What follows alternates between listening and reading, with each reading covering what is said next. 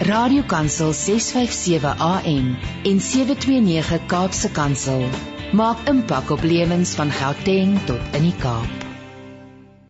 Goeiemôre en baie welkom by Met Hart en Siel. Ek is Christine Ferreira. Ons gaan lekker saam kuier tot 11:00 vanoggend. Die horlosie sê dis nou 10 oor 9.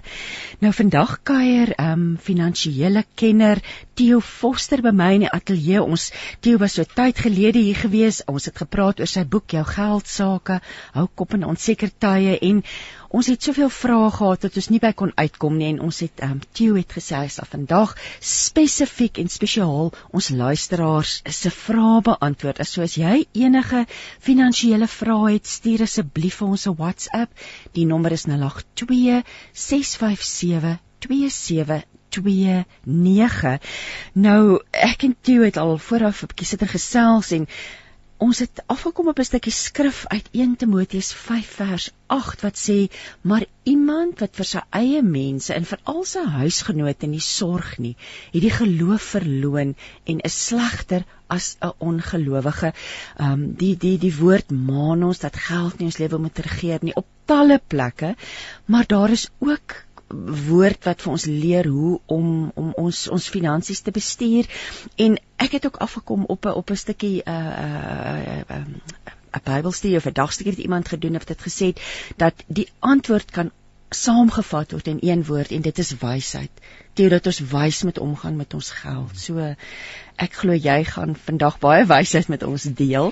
Ehm um, so ek wil ek wil ja, jy dra jou boek op. Dis my interessant gewees en, en, en jy sê aan almal wat oor hulle geld sake wakker lê en wonder hoe om hulle drome te bereik. So Dis my vir dit die tema van ons gesprek vandag. Ons wil 'n bietjie probleme uitlig en dinge wat ons nie noodwendig aanspreek nie. Matteo, ehm um, Janine het nou net vir ons die die al die aanwysers, die ekonomiese aanwysers gelees tydens die nuus.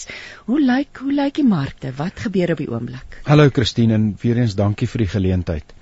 Ehm um, ek dink wat mens altyd moet besef is finansiële markte is nie die ekonomie nie. Daar is 'n verskil tussen finansiële markte en wat in die ekonomie aangaan. Finansiële markte gewoonlik loop die ekonomie vooruit met kom ons sê 18 maande of selfs 2 of 3 jaar vorentoe. So wanneer jy lees wat in die ekonomie aangaan en jy kyk wat in finansiële markte aangaan, dan gewoonlik is daar 'n groot verskil tussen die twee uiteraard in die langtermyn vir finansiële markte om goed te doen of om te presteer na wense, het jy in die langtermyn ekonomiese groei en ekonomiese aktiwiteit nodig. So dit is dit is die dit in die langtermyn is daar 'n skakeling, maar definitief nie in 'n in die korttermyn nie. So as ons kyk na finansiële markte en hier gaan ek die gesprek draai so bietjie na meeste van mense se primêre beleggings is in of dit nou 'n groeifonds is of in een of ander aftree of pensioenfondsproduk of direk in aandele of waar dit ook al is. Ja. Uiteraard is dit blootgestel aan wat in finansiële markte gebeur. En as jy eintlik kyk na die prestasie die afgelope jaar, nou die probleem met die afgelope jaar is, onthou dit dit kom nou vergelyk nou die periode waar ons nou staan met verlede jaar Maart April. Nou verlede jaar Maart April was ons in die middel van die COVID pandemie. So oor 12 maande lyk finansiële markte baie goed. Die die die BSE algehele indeks is op met 54% oor die afgelope 12 maande. Maar die is eintlik amper onwerklik. Dis onwerklik, maar nou moet jy onthou Ons het almal gedink dit gaan so verskriklik sleg gaan. En dit was die fout wat mense kon gemaak het. As jy verlede jaar in Februarie, Maart, April, selfs in Mei ehm um, jou geld uit jou pensioenfonds gehaal het of uit die groeifonds gehaal het, dan het jy hierdie groei van meer as 50% het jy nie gekry nie. Die herstel het jy nie gekry nie. So en dis daar ek, ek wil nou mense moenie paniekerig raak ja. nie en die, ons moet 'n bietjie daaroor praat en emosie amper dan uit dit uithaal nê. Jou probleem is Christine dat markte en of dit nou pensioenfonds is of dit jou jou jou ehm um, uh, jou groeifondse is periodiek is markte wisselvallig en periodiek gaan jy groot dalings kry. En jou probleem wat jy moet dan mee sit is jy mense raak emosioneel paniekerig. En dit het ons in die eerste paar maande van verlede jaar gesien. Mm. So van toe af tot nou is markte op met meer as 50%. En as jy dan terugkyk en jy sê maar goed, kom ons kyk oor 'n 3 jaar periode. Dit wil sê ons ons begin 2 jaar voor die pandemie en ons kyk waar ons nou is. Dan het byvoorbeeld die aandelemark vir jou per jaar rondom 10% gegee Nou 10% teen 'n inflasiekoers oor hierdie selfde periode wat beduidend laer was. Die inflasiekoers oor hierdie periode was gemiddeld rondom 4%. So jy het jy het die groei gekry wat die langtermyn akademiese studies vir jou sê jy gaan kry as jy in markte bly. En nou kyk jy en jy gaan kyk na die ander die kapitaalmarkinstrumente in 'n gewone pensioenfonds en 'n gewone groeifonds, dan het jy eintlik inflasie uitpresteer met tussen 3, 4 of 5% per jaar en dit is wat jy wat in teorie die finansiële uh studies vir jou wys. So ons het selfs met die pandemie in die middel het ons min of meer gekry wat jy behoort te kry. As jy dit verder terugvat, dan moet ons erken daar was 'n periode ehm um, so hier in die laat in die Zuma era wat die ekonomie onder druk gekom het en markte onder druk gekom het. Maar weer eens, die punt van die saak is jy as jy gehou het by jou langtermynstrategie, het sy of jy 'n spaarder is wat geld in die mark sit of iemand is wat lewe van onttrekkings uit die mark uit, as jy gehou het by jou langtermynstrategie en jou strategie was in plek, dan was jy nou deur hierdie pandemie en jy het eintlik redelik goed daar uitgekom. Dit beteken nie 'n mens kan aanneem dis verby nie. Ongelukkig dink ek ons moet as jy kyk in die res van die wêreld, dan bly die risiko dat ons weer in Suid-Afrika 'n derde vlaag ja. gaan kry. So die vraag is of ons dit gaan kry of nie. Dit is nie die belangrike die belangrike ding is is jou beleggings gestruktureer om deur so 'n probleem te kom. Is jy genoegsaam gediversifiseer dat as dit sou gebeur dat jy sal terugkyk en sê maar ek is goed genoeg geposisioneer daarbey. So eintlik die afgelope ruk van die pandemie het finansiële markte baie sterk opwaarts gedoen beide Suid-Afrika en internasionaal. Ek meen die rand is 25% sterker as wat hy was in die middel van die pandemie. Ons was swakker as as 19 teen die dollar. Nou is ons terug by 14.5 teen die dollar.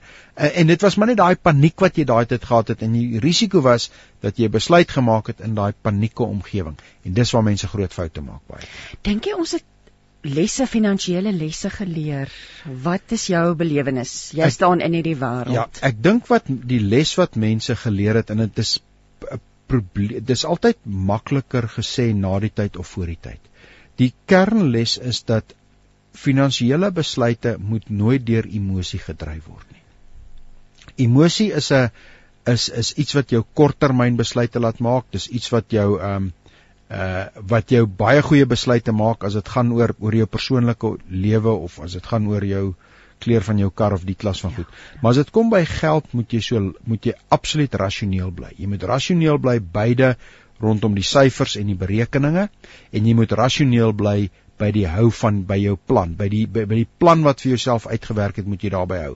En dis baie keer waar die finansiële adviseur se rol krities raak om seker te maak hy of sy hou jou by jou langtermynplan en by die werklike onderliggende beginsels. Van die oomblik as geld finansiële bes, uh, emosionele besluit maak gewoonlik gaan jy die verkeerde besluit maak.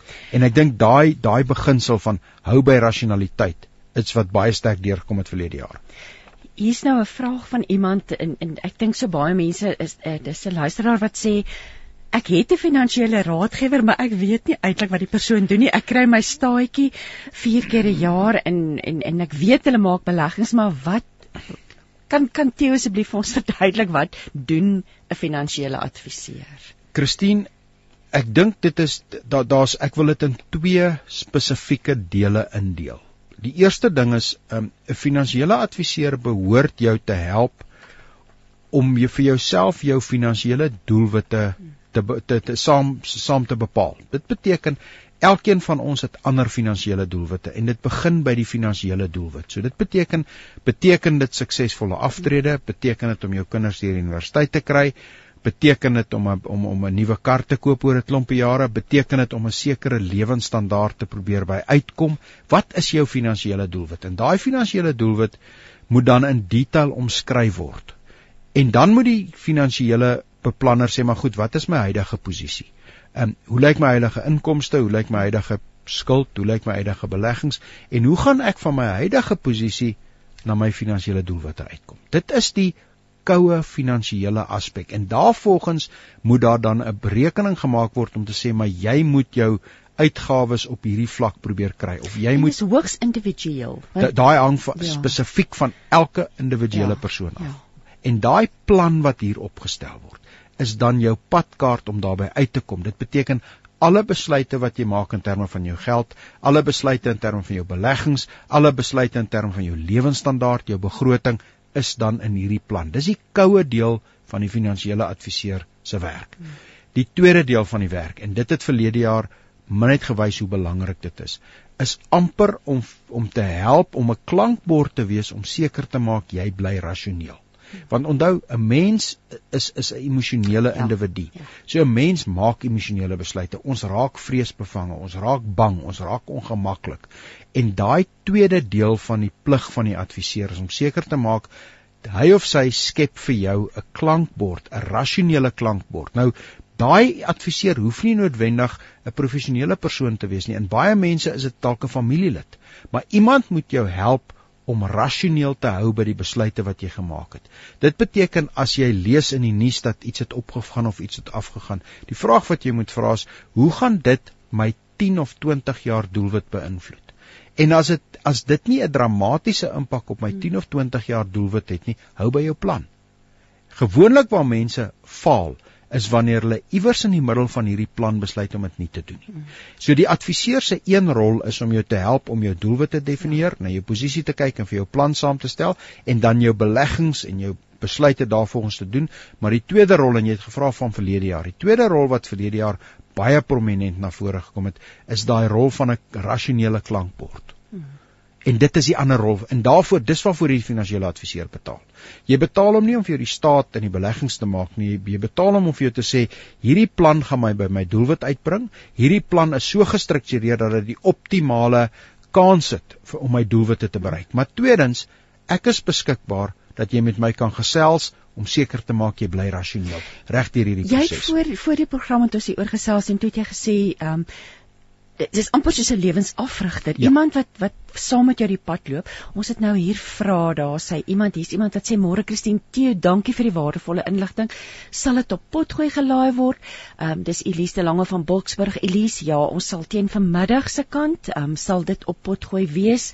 Ehm um, julle kan maar gaan kyk onder met hart en siel, dan die programme word daar gelaai. Dan is daar 'n vraag van 'n luisteraar wat sê as dit moontlik wees, moontlik is sal ek dankbaar wees as 'n uh, eh, as jy vir Theo kan vra of hy sal aanbeveel dat 'n pensionaris die maksimum van sy rentedraande bates in oorseese aandele belê is maksimum 'n derde.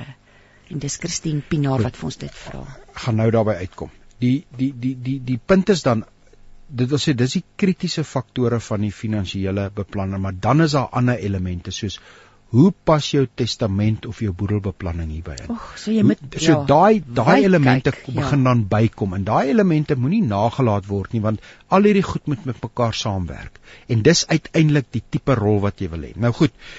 Die vraag oor buitelandse beleggings is ons moet ek gaan of jy ons moet 'n bietjie terugkom nog want ek ons het nog vra oor die finansiële raad. Goed, kom ons gaan oor die struktuur en die betaling en daai tipe okay. goed maar maar miskien moet ons vir Christine want ek weet nie hoe lank sy gaan luister vanoggend nie. Die die punt of sal kan luister. Die die punt van buitelandse beleggings is dat dit, dit moet deel wees van 'n langtermyn diversifikasieplan.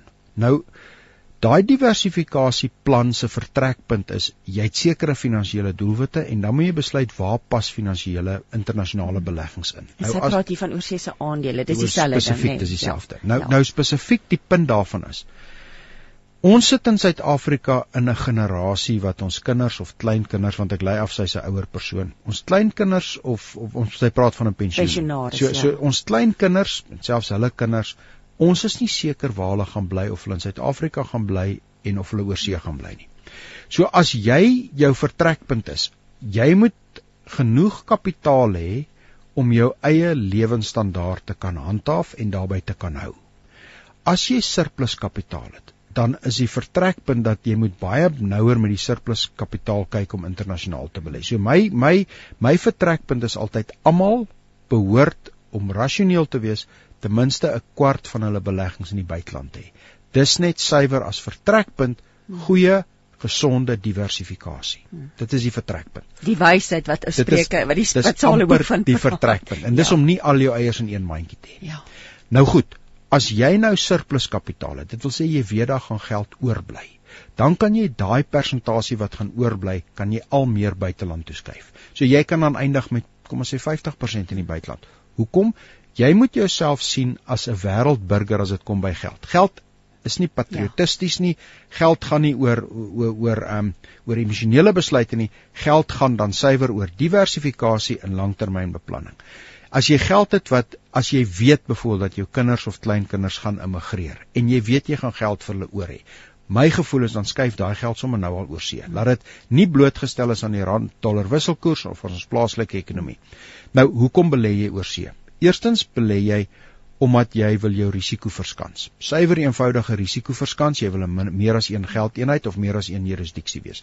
Maar tweedens, daar's aandele in maatskappye in die buiteland wat ons nie in Suid-Afrika het nie. Onthou Suid-Afrika se ekonomie is minder as helfte van die wêreldekonomie.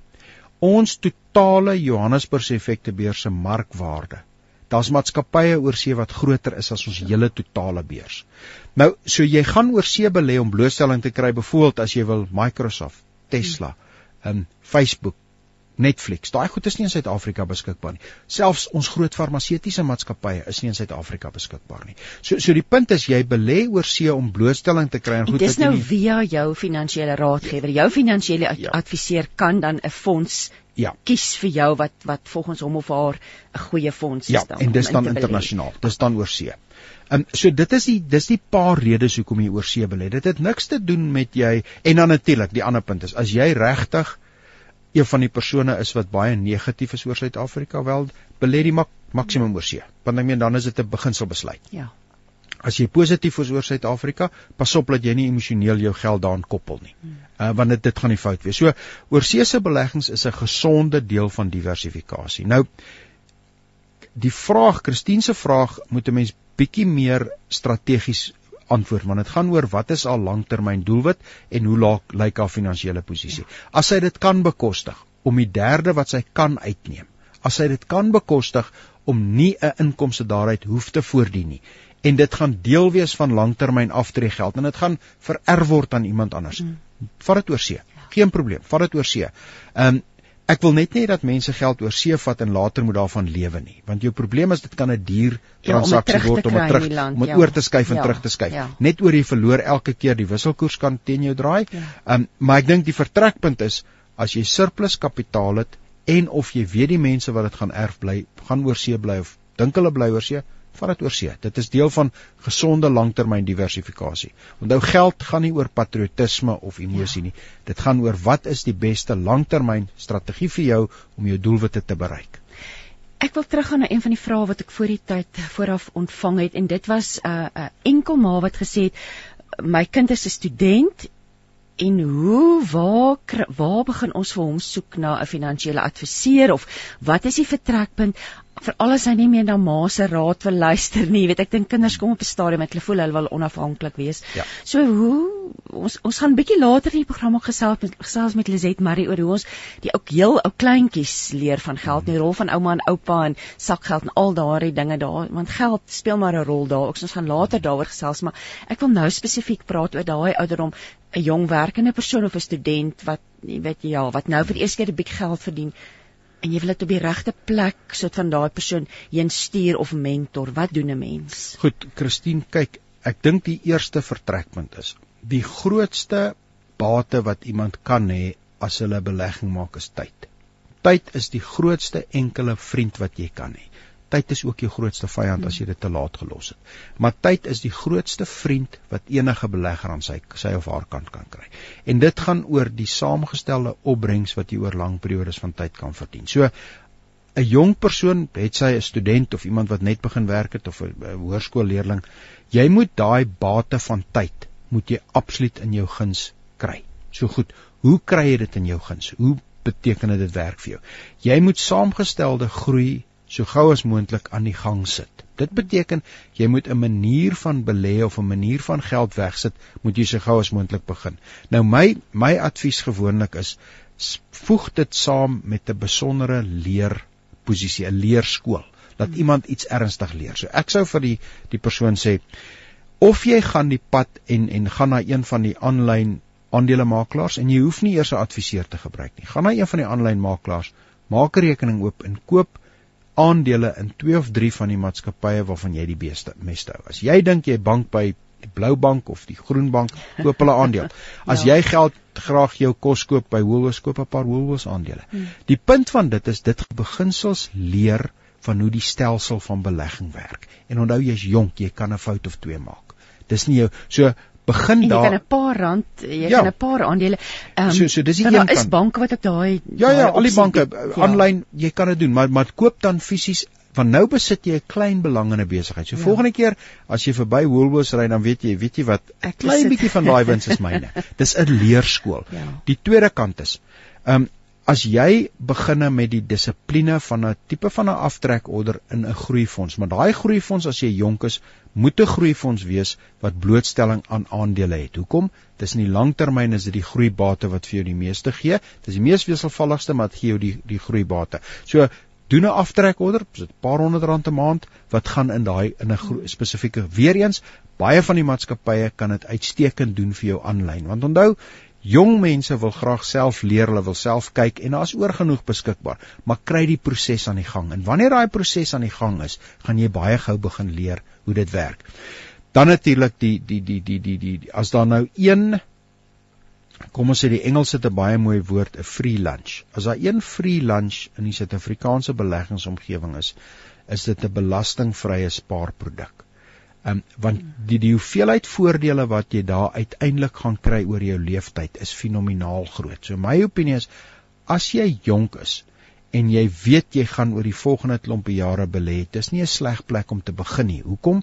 Uiteindelik gaan jou beleggingsopbrengste gaan nie be, gaan belastingvry wees. Dis beperk op jou hoeveelheid, maar weer eens begin so gou as jy kan en begin met die ritme van beleggings. Ek ek so daar's twee goed. Koop 'n klompie aandele, jy gaan baie gou leer, maar maar ook of maak 'n aftrekorder, so 2 of 300 rand 'n maand is wat jy kan bybring, begin die proses van langtermyn spaar.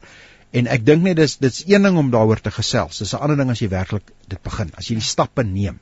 Die leerkurwe van iemand wat die stappe geneem het, raak 100 paal makliker en my advies aan die persoon sal wees aan die aan die persoon is as jy een as jy daai twee goed van die grond af kry, dan gaan jou taak baie ligter wees, baie minder wees want die student gaan baie gou begin uitvind wat hy aan. en hoe lekker dit is om ja, om 'n winsie te maak en te sien Ja, en te sien hoe goed en, beweeg ja. en goed te begin dophou. Weet jy, jy een van die goed dink ek wat wat wat, wat ons oor kan gesels is dat ons nie oor geld praat ja. nie. Dit is ons leer nie ons kinders regtig oor ja. geld nie, nê. Ons het dit dis 'n baie ongelukkigheid. Dis asof dit 'n taboe onderwerp in die huis is om te praat oor geld. Ehm um, en ek weet nie of dit 'n generasie ding is dat dit die ouer generasie se se uitdaging is omdat dit daar 'n bietjie van 'n kultuurelement daarbey kom. Maar die jammerte is geld is nie 'n onderwerp wat in ons huishoudings bespreek word ja. nie. Daar's in baie ander gevalle word dit wel bespreek. Ehm um, ek weet byvoorbeeld dat dat dat dat ek ek praat met van ons Joodse kliënte. Dit is tradisie om oor geld te praat as deel van die normale aandete gesprek. Mm. Dit is dis en nie in die huishoudings se finansies te bespreek. Dit is nie 'n dis deel van die gesprek. Dis so normaal soos wat eet ons vanaand. Ja. Ehm um, so ek dink 'n mens moet wat wat wat, wat die ding nadelig raak is wanneer die die die die die die een van die twee ouers nie eintlik weet wat die finansiële posisie is nie. Dit gebeur dikwels dat die die vrou nie ingelig is, sy weet nie wat die man ja. eers noodwendig verdien nie. Dit daar sy weet nie ja. waar sy hulle geld nie, sy ja. weet nie wat die skuldposisie is nie, sy weet nie hoe lyk die begroting nie. Nou daar's in gevalle wat ek sien waar dit die man is wat dit nie weet nie, wat die vrou die huishouding oorneem veral as jy mense wat bietjie veral aan die kunskant van die van die lewe is, aan die kreatiewe kant van die lewe is of selfs 'n uh, Amerikus wat wat eintlik sy dag deurbring om mense te probeer genees en te help. Uh, geld is amper 'n bysaak. So, maar iemand in die uh, my, my die vertrekpunt is wanneer daai ding regtig problematies mm. raak, is as daai persoon wat bewus is van die geld skielik sou wegval.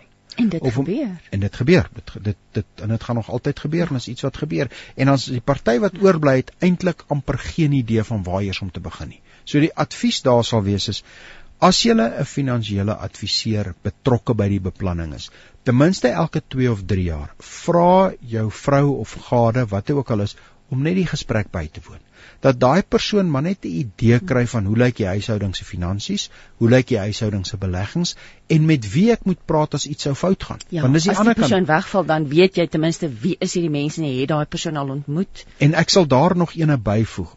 Maak seker jy het 'n basiese leer, 'n basiese um, 'n leer wat die inligting het wat nodig sal wees. Soos die huwelikskontrak, die geboortesertifikate, die ja, die testament, al daardie dinge. Waar is die uh, waar is ons bankrekeningnommer? Waar is ons en selfs jou sosiale omgewing. Wat maak ek met jou Facebooks? Hoe sit ek hom af? Hoe hoe haal ek hom uit? Wat die die die eenvoudig die die die ja, pinkode van die, jou selfoon. Die die die wat is die password in Afrikaans? Wat, die, wat is ja, wat is die wagwoord vir die bankrekening? Die wagwoord vir die bankrekening. Want anders het jy nie toegang nie. Dan moet jy ja. begine bel en dan moet jy verifikasie en. So kan, so, so daai daai en ons het laaste aan genoem daai ehm um, ons het 'n kliënt wat dit noem sy langboomlys. En sy langboomlys is die lys wat hy opdateer elke 2 of 3 jaar, maar dit sê daar is my testament. Hmm. Daar is die idee afskrifte van die getuies wat geteken het. Hoekom as daar ooit 'n dispuut is, hier is die twee ouens wat geteken het. Daar is ons huisverband. Daar is die die die die oordragsertifikaat, die dokument wat sê dit is ons huis. Ehm um, dis die finansiële adviseur wat jy bel. Hy gaan weet, hy of sy gaan weet waar's die Sanlam, die Mutual, die wat ook al daar is het ek voorsiening gemaak vir die begrafnis? Het ek dalk het ek 'n wens van van van 'n watter kerk dit moet wees hoe die ja. diens moet lei? Het ek so iets? Wie het ek met 'n dominee dit bespreek? En wie is daai dominee? Is daar 'n spesifieke kerk? En dan het ek finansiëel voorsiening daarvoor gemaak. Ek het al gevalle gehad wat dit dit nie in die testament staan nie, maar dis 'n dis 'n nota dat die persoon het uit al jare gelede 'n bedrag geld uh, bewillig aan die aan die gemeente om te sê maar hierdie sluit my sluit my begrafnis in. So dit is ingesluit. Het jy 'n begrafnispolis? Het jy het jy wie skuld jou geld? En wie skuld jy geld? Hmm. Wie jy voor borg geteken dat ek net dat ons net bewus is daarvan. Ehm um, eh, dat, want anderster gaan ek dit dalk nie weet nie. So so daai daai gesprek uh en dit's baie keer moet dit 'n tipe van 'n leer wees. 'n Leer met daai kom, kom ons sê dit gebeur môre. Ek dink nou aan die brande in die Kaap waar mense ja. hulle huise moet ontruim, ja. moes ontruim met daai leer moet almal eintlik weet ja. waar hy is en ja. gryp hom eers. Ja, en, dit in die honde en die katte. En, en, en, en ek sien net soveel keer is dit jy onthou in in in daai tyd is jy in 'n absolute emosionele warboel. Hmm. En nou wil jy nie nog die persoon bysit met ooggats wat is al hierdie goed is ewe skielik vreemd en nuut by jou. En as jy net hoe meer goed jy van daai emosionele warboel kan verwyder, hoe makliker is dit.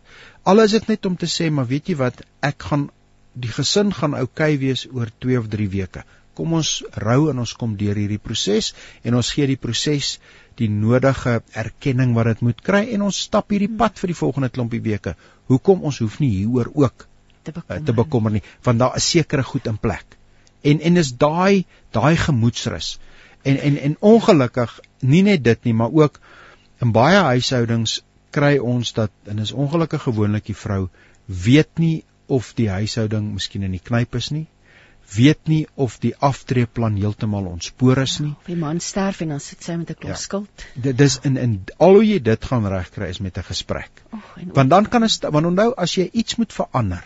Ehm um, weer eens tyd moet jou vriend wees. As jy ewe skielik sê maar ons aftreebeplanning gaan hopeloos te kort wees, ons gaan van die kinders afhanklik word.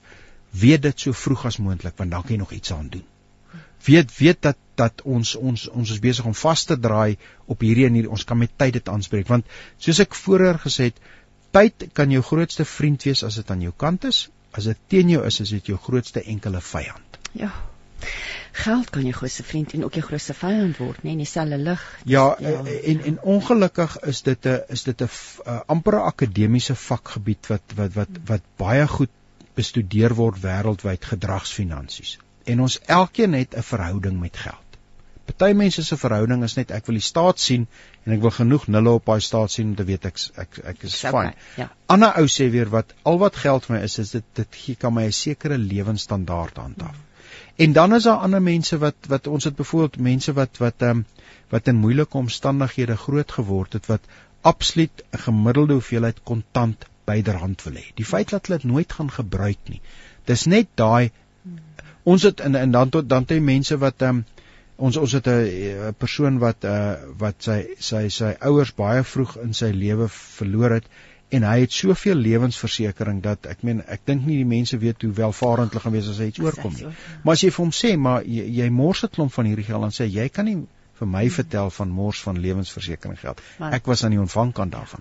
Ons het kon nie ek was aan die aanvangkant daarvan. Ja. So so mens moet ook daai balans sien. Uh uh in terme van wa, wanneer jy dalk dit oordoen, maar dit gaan baie af van hoe jy groot geword het. Dan jy dan het ons 'n kliënte wat byvoorbeeld hoogs gekwalifiseerd is en sê maar as jy vir my sê ek het te min geld, wel dan gaan ek môreoggend uur vroeër opstaan en 'n uur later gaan slaap, dan maak ek dit op. Sê net vir my dit dan maak ek dit op.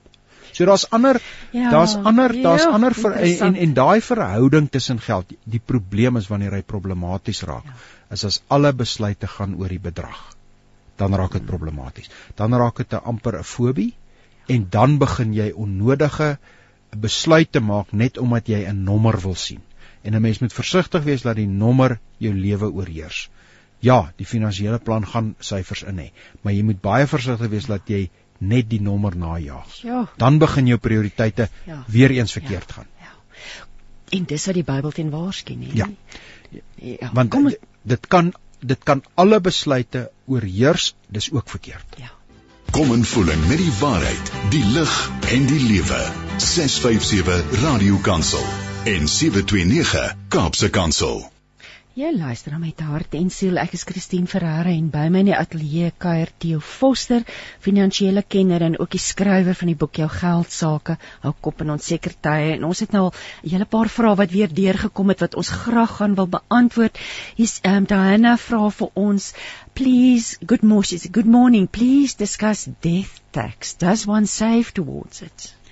Goed, ehm um, death tax uh, is is boedelbelasting. Dis dis dis wat dis die belasting wat jy betaal ehm um, as jy boedelberedder word. Nou daar is spesifieke reëls en riglyne rondom dit. Ehm um, dit gaan oor ehm um, as jy 'n getroude man of vrou is, is daar 'n spesifieke bedrag wat vrygestel is. Dan is daar skale op in terme van die surplus wat jy betaal en hoe hoe groter die boedel is, word daai skaal natuurlik groter.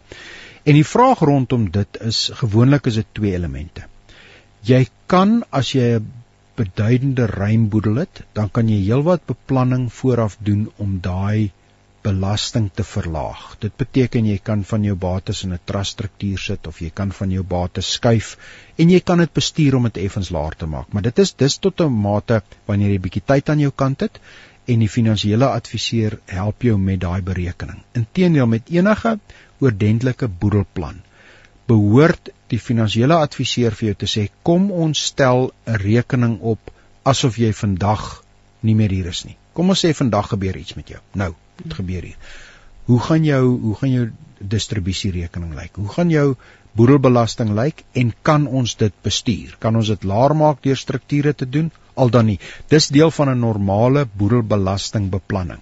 Die tweede element is nou, daar is nou belasting, jy is nou dis nou die die berekening is gedoen, die aftrekkings is gedoen, die skuwe is gedoen, daar is 'n bedrag wat jy moet betaal. En die vraag wat baie keer by mense opkom is, moet ek voor die tyd voorsiening maak al dan nie? Nou wat beteken daai voorsiening? Daai voorsiening is gewoonlik daar's 'n paar kostes. Nommer 1 is dit die koste van die eksekuteur, nommer 2 is dit die koste van die boedelbelasting, maar nommer Onthou as daar groot bates is, is daar kapitaalwinsbelasting ook op. En hier is dit veral van toepassing op familiebesighede. Het sy 'n familieboerdery of 'n familiebesigheid. Wees baie versigtig, jy verstaan daar's boedelbelasting, maar jy verstaan ook die komponent van kapitaalwinsbelasting wat daarmee kan saamgaan, want dit kan beduidende bedrae word. So, wat die vraag nou is, Ehm um, jy kan die beplanning doen rondom dit, maar daai beplanning moet insluit jy moet presies kan bereken wat daai bedrag is nou al. Jy moet sê, goed, aan die einde van as ek nou iets sou oorkom, is dit die bedrag aan belasting. Dan is die vraag, neem baie in gevalle neem ek 'n polis uit sodat dit betaal word. Dit wil sê ek betaal nou reeds doen 'n bydra sodat die boedelbelasting uiteindelik uit my lewenspolis uitkom. Nou in baie gevalle wanneer dit 'n baie groot boedel is, doen mense dit.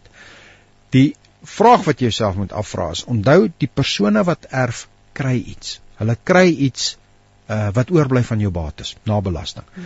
Tot in watter mate is daar 'n plig op jou om dit nog belastingvry op te maak of nie?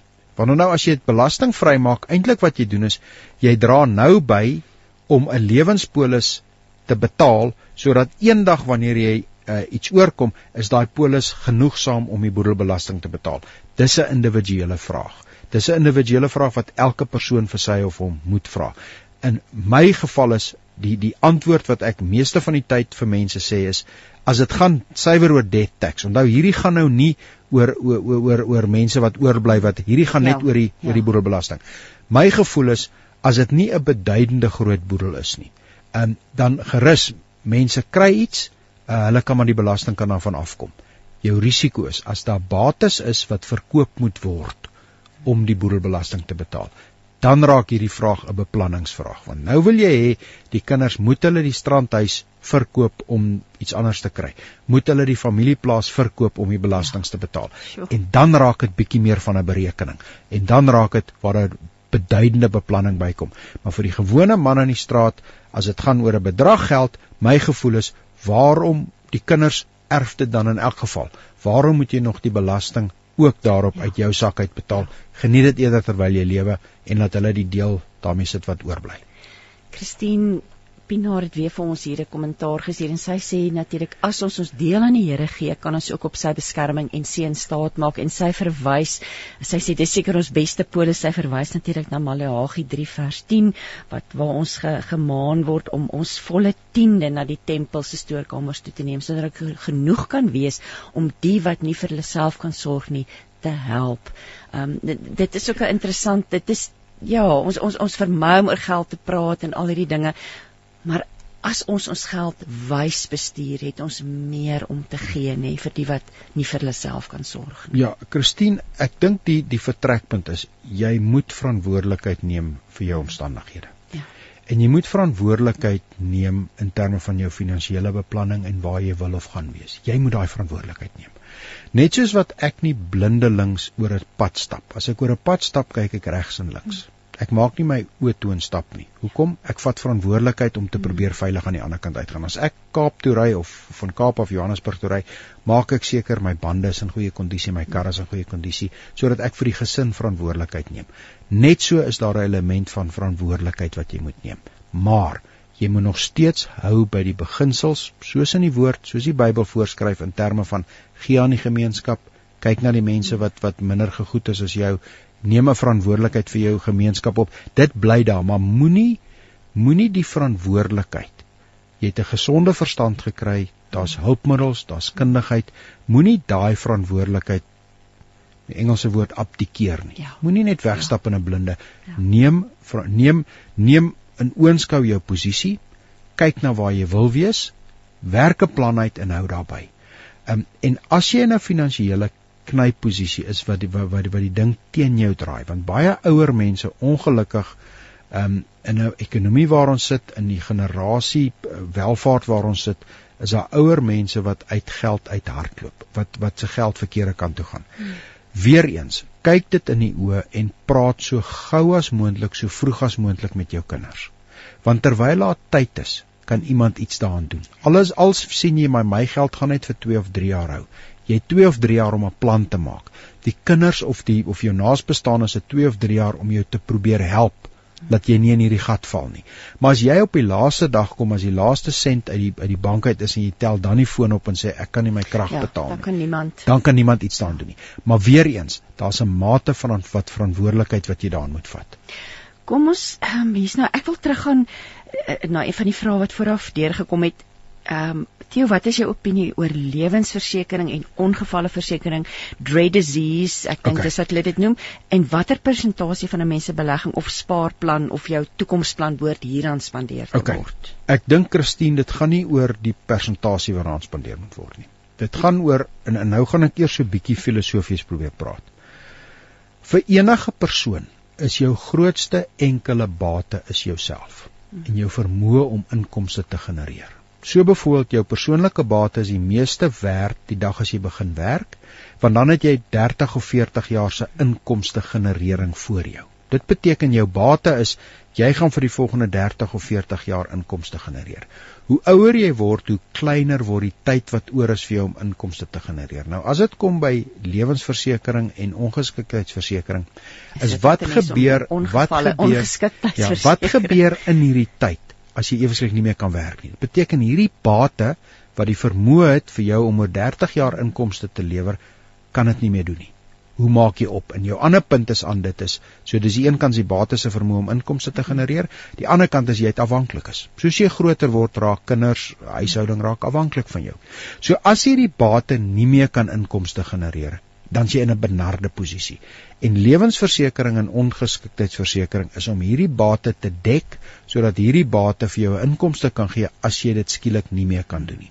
So hierdie som is eerder 'n som van om te sê aan die een kant ek het ek het 'n sekere lewensstandaard en verpligtinge wat ek moet nakom as ek môre dit nie meer kan doen nie. Het sy ek val weg, ek is nie meer daar nie, so dan moet 'n kapitaaluitbetaling kom om die huishouding te help of ek verloor my vermoë om inkomste te genereer. Ek is ongeskik om dit te genereer. So hierdie berekening moet gedoen word op die ander kant op die verpligting wat nodig is en dan natuurlik soos mens ouer word kan jy in baie gevalle sê dat jy kan jou lewensversekering opgee of jy kan jou ongeskiktheidsversekering in baie gevalle as jy genoeg welvaart welvaart opgebou het. Onthou net by ongeskiktheid Mense bekol dit skuif en sê okay, maar ja. nou ek is nou naby aan aftree, nou moet ek meer geld belê in skuif van daai geld ja. na my pensioen verseker wat jy elke maand verseker. So ja. dit is 'n proses wat moet en daai proses gaan oor twee goed. Dit gaan oor een kant oor jou afhanklikes. As jy afhanklik is uit die huis uit begin gaan dan het jy, jy minder jy, nodig. Dan kan jy weer sit met jou raadgewer ja. en sê skuif. En jy skuif meer na beleggings toe. Ja. Net so as jy ehm um, as jy genoeg kapitaal opgebou het om te sê maar as ek môre nie meer kan werk nie, ek het hmm. genoeg kapitaal. Ja. Pas op net. By ongeskiktheid kom daar in gevalle 'n koste by. Dis nie net die uitgawe wat jy nie kan doen nie. Daar's in baie gevalle 'n koste om na jou te kyk jy het 'n hulpbehoewend, jy het 'n reistool nodig, jy het spesifieke mediese sorg nodig. So wanneer jy daai som doen, en dit, dit word daardeur ook gedek ja, dan. Ja, maak jou som dat dit dat dit die ongeskiktheidselement kapitaalvoorsiening maak daarvoor. Dis duur, dis duur. Dis duur, dis duur. Ja, ja. So so so die die punt van die saak is onthou suiwer ongeskiktheids en suiwer lewens. Die oorgrootste meerderheid van ons gaan dit hopelik nie nodig kry nie. Hmm. So dan was dit geld wat jy in teorie kan sê het jy in die water gegooi. Die punt is jy weet nie watter van waar jy inpas nie. Weet, ja. Want onthou die die versekeringsmaatskappye maak wins hieruit. Dis nie dat dit dis nie 'n dis nie 'n 'n 'n tipe van 'n 'n diens wat hulle lewer ja. vir die gemeen. Hulle maak 'n wins hieruit. Ehm um, maar ek dink die vertrekpunt moet wees jy het verpligtinge en as jy jou vermoë verloor het sy deur dood of deur ongeskiktheid om om inkomste te genereer, hoe gaan daai verpligtinge gedek word? So dis veral vir vir mense wat 'n gesin bou, wat 'n loopbaan bou, wat bates opbou, is dit belangrik, maar hou 'n baie mooi oogie oor die koste daarvan ja. en dat dit altyd van toepassing op jou is. En in meeste gevalle iewers langs die pad stop jy baie daarvan. Hmm. Het sy jy het genoeg kapitaal opgebou of jy nie meer afhanklik is nie. Ja. Stop jy dit. Hier's nou 'n vraag iemand wat sê ehm um, Ons het nie geld nie, maar ons testament sê dat die huis verkoop moet word en die geld tussen die drie kinders verdeel moet word. Is dit 'n goeie opsie of is daar 'n ander opsie dat almal hulle eie huise? Uh kom ek sê vir jou die die die die die eenvoud is. As dit 'n huis is en drie mense gaan hom erf, dit werk. Ja, en 'n afbetaalde huis. Dit ja, maar die, die huis die huis gewoonlik werk dit nie. Hoekom? Ja. Elkeen van daai drie se finansiële posisie en behoeftes is anders. Een van hulle het dalk ernstig kontant nodig om om om om om om sy skuldposisie te verander. Ander persoon wil dalk baie graag byvoeg tot sy buitelandse bates. Maar ek het net gevind dat wanneer daar meer as een mense is en dis dis 'n tipe van 'n bate, pas op, daar daar kom probleme daarmee. Nou kom ek vat hom terug na byvoorbeeld 'n strandhuis toe. As drie gesinne 'n strandhuis erf, dit werk dalk die eerste 3 of 4 jaar Die oomblik wat daar nog kinders bykom, dan is daar eenvoudig nie genoeg paasnaweke en Desember vakansies dat almal daar kan gaan nie. En jy kan nie aanhou kamers byvoeg nie. So in daai tipe geval is is dit baie keer beter om die huis te te likwideer in kontant of een van die persone koop die ander twee uit. Maar dis die tipe bate wat in teorie sien ek net terwyl die ouers daar's lyk die idee goed om die huis te hou en te verhuur of so iets. Die probleem is daai drie kinders het elkeen sy eie posisie en sy eie finansiële doelwitte en bly gewoonlik in ander areas so, ook. So wat sou jy vir hierdie persoon Ek sou sê ek sou sê die die die teorie moenie jy hoef nie noodwendig te sê dat die huis verkoop moet word nie, maar maak dit baie duidelik dat jy nie 'n probleem het as die besluit is om die huis te verkoop nie. So mens moet dit dan ook so stipuleer in jou testament. Jy moet dit so stipuleer. Eintlik sal my eerste prys wees verkoop die huis. Ja. En ek sê hoekom? Behalwe as een van die ander kinders die ander twee wil uitkoop, teen 'n markprys, maar ek het net alselfs gesien 'n vakansiehuis werk nie. Hy werk vir 'n paar jaar en dan werk hy nie. Hoekom? Ehm um, daar is net een gesin kan Desember in die ja. vakansiehuis bly. Ja, een gesin kan almal wil Desember gaan. ja. En nou begin jy die probleem kry van wie be, wie betaal die onderhoud? Is dit die een wat Desember gaan? En wat van die seun wat wil immigreer? En wat van die seun wat by sy eie skoonfamilie of die dogter wat by sy skoonfamilie Desember gaan vakansie hou? Hmm. Sy weet nie. So so pas op vir daai want die oomblik wat jy begin besluite maak oor mense se eie persoonlike omstandighede, daar's altyd 'n risiko dat een of twee of drie van hulle verskil daarmee. Ja. En ook natuurlik, ek het ons het nou die dag 'n geval gehad wat die wat dit was 'n pragtige huis, maar 10 jaar later sit die huis aan die verkeerde kant van die dorp. En as hulle maar verkoop het, het hulle 'n uh, waarde gekry. Nou raak dit moeiliker om die waarde te realiseer en niemand wil daar kom nie.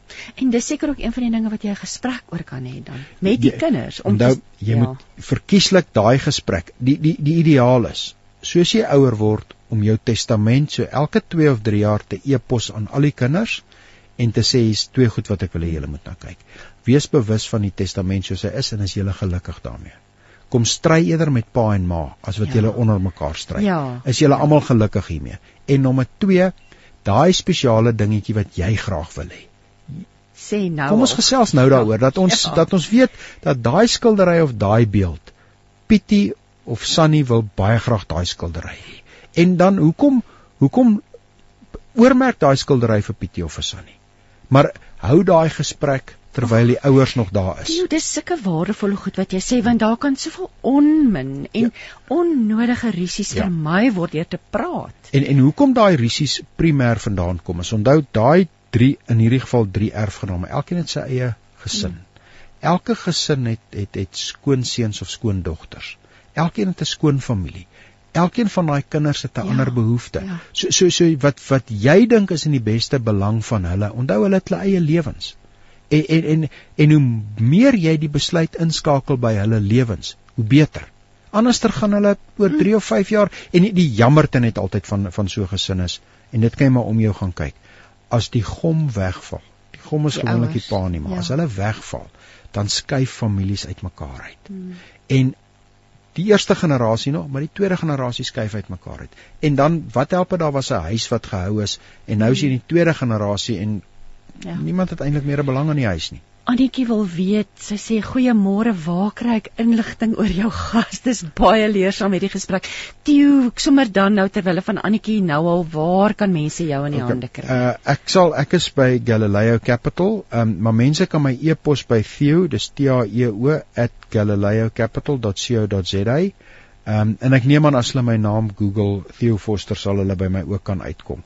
En ek sal graag enige iemand is welkom om my te te e-pos. Ek dink veral wat wat ek sien wat uh, die, ons het nou 'n paar keer daar stil gestaan maar, maar maar dinge soos wat behoort in jou lys te wees as jy iets oorkom. En daai klas van goed is net handig om by te hê. Daai tipe van langboomlys. En as iemand dit vra kan ek kan ons dit vir hulle e-pos. Dis enige tyd. Dis nou iemand wat sê ehm um, baie dankie vir die môre. Dit is 'n goeie gesprek vanoggend. My oorlede man het nie voorsiening vermaak nie. Ek het my motor verkoop waarmee ek nou lewe tot dit klaar is. Uh en met my SASSA betaal ek die kamer waar ek woon. En uh sy sê haar een sê is amper 3 jaar sonder werk. Um en die ander persoon werk net 4 dae 'n week. So die kinders kan nie finansiëel ondersteun nie. Ek sal op die vader vertrou. So dit is ja. iemand wat vir ons eintlik nou uh, ondersteun om te, dit wat ons oor praat van om om ja, voorsiening nou, tog nou, te maak. Al is dit hoe klein gedeelte van jou van jou inkomste jy moet jy begin werk die dag moet jy begin dink aan jou ou dag. Ou dag. Nou, nou ek is voel baie jammer vir die persoon want dit is nie 'n posisie wat mens graag in wil wees nie en dit voel altyd vir my baie ehm um, vermetel of arrogant om vir so 'n persoon advies te gee want jy jy hmm. dis in 'n baie benarde posisie. Maar kom ons beskou dit eerder uit die punt uit wat kan van die ander luisteraars daar uitkry? Van die ander luisteraars kan daaruit kry om te sê as jy nie voorsien nie, dan is dit 'n baie moeilike posisie waarin jy kan eindig. So maak eerder meer werk daarvan vroeër in die pad sodat jy begin voorsien. Want want anderster gaan jy gaan jy ongelukkig in in, in die posisie sit wat die wat, wat die luisteraar nou sit en dan is daar nie dit dis raak jou opsies om iets daaraan te doen raak kleiner so so wat met die die les wat sy vir, vir ons almal 'n guns kan doen, vir die luisteraars se guns kan doen en wat die luisteraars waarde uit kan kry is. Gee jouself tyd om hierdie besluite te maak. Begin vroeër in die proses. En wanneer jy sien dit gaan aan die verkeerde kant toe, moet jy tyd aan jou kant hê sodat jy iets daaraan kan doen. En dan begin die beginsel inkom van Hoe wat s'ie lesse wat jy vir jou kinders gee? Hoe betrek jy hulle hierby? Maar dit is ongelukkig die posisie wat wat jy in kan eindig. En ek dink dit is miskien dit is 'n baie goeie bydrae vir enigiemand wat luister. En dis nie die situasie waarin wil eindig nie. Ja. Jy wil graag keuses en alternatiewe en daarvoor het jy tyd aan jou kant nodig. Want dit bring my by daai eh, by die vraag, een van die vrae wat ek vooraf ontvang het. Ek is in my laat 40s en dit glad nie pensioen nie. Ek het my hele lewe lank self vir myself gewerk as entrepreneur. Ek besit wel 3 eiendomme, 'n huis, 'n stranderf en 'n erf op 'n plaasontwikkeling in die platland.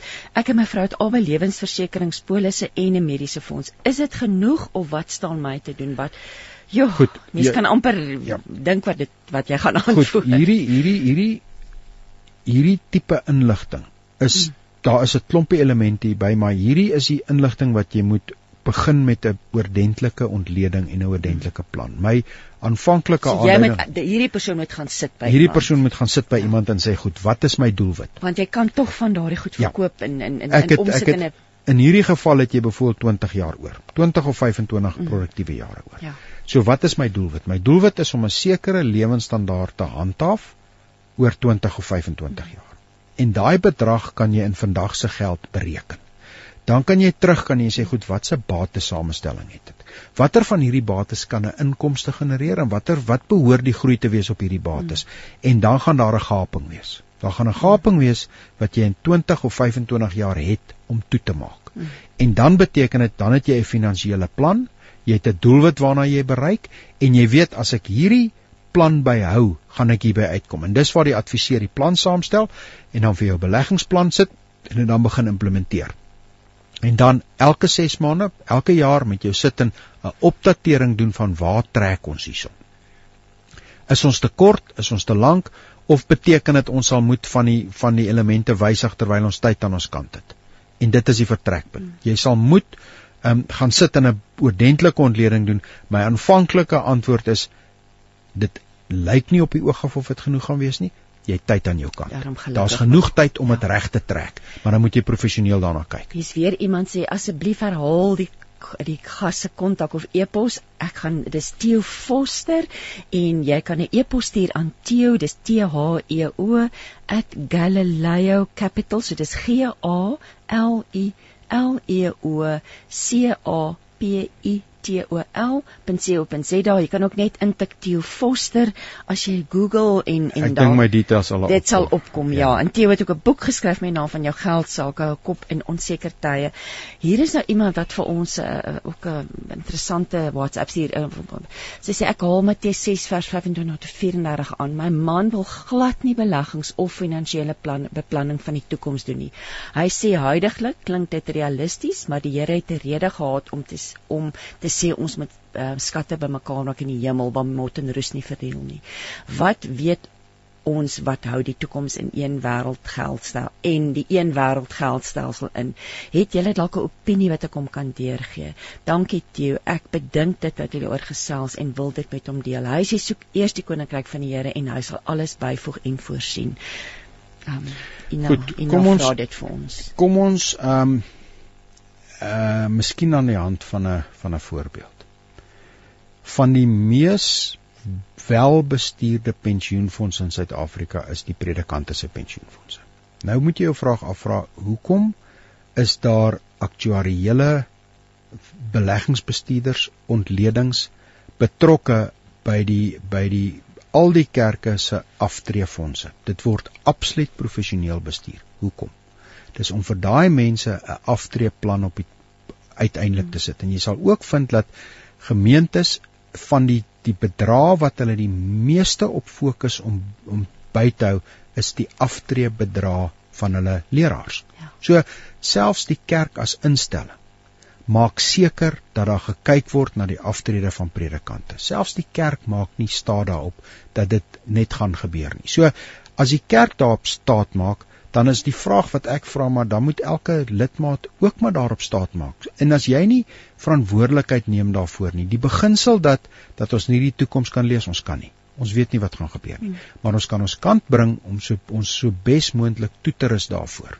En ek dink die die die feit dat jy jouself nie daarvoor toerus nie, dan weet jy mos die kans dat dit gaan uitwerk soos jy wil hê dit moet uitwerk is bitter klein. En ek dink daar bly net soos daar verantwoordelikheid is vir my om regs en links te kyk as ek oor 'n stap pad stap en 'n verantwoordelik is vir my om my kar na te sien as ek Kaap toe ry is daar verantwoordelikheid op my om voorsiening te maak vir wanneer ek nie meer inkomste te gaan genereer nie. Ek dink dis 'n plig op elke persoon en ek dink dit neem hoegenaamd nie weg van jou geestelike lewe, jou verantwoordelikheid in terme van die woord, jou jou geloof nie. Dit neem dit nie weg nie, maar jy het 'n plig om vir jouself te kyk.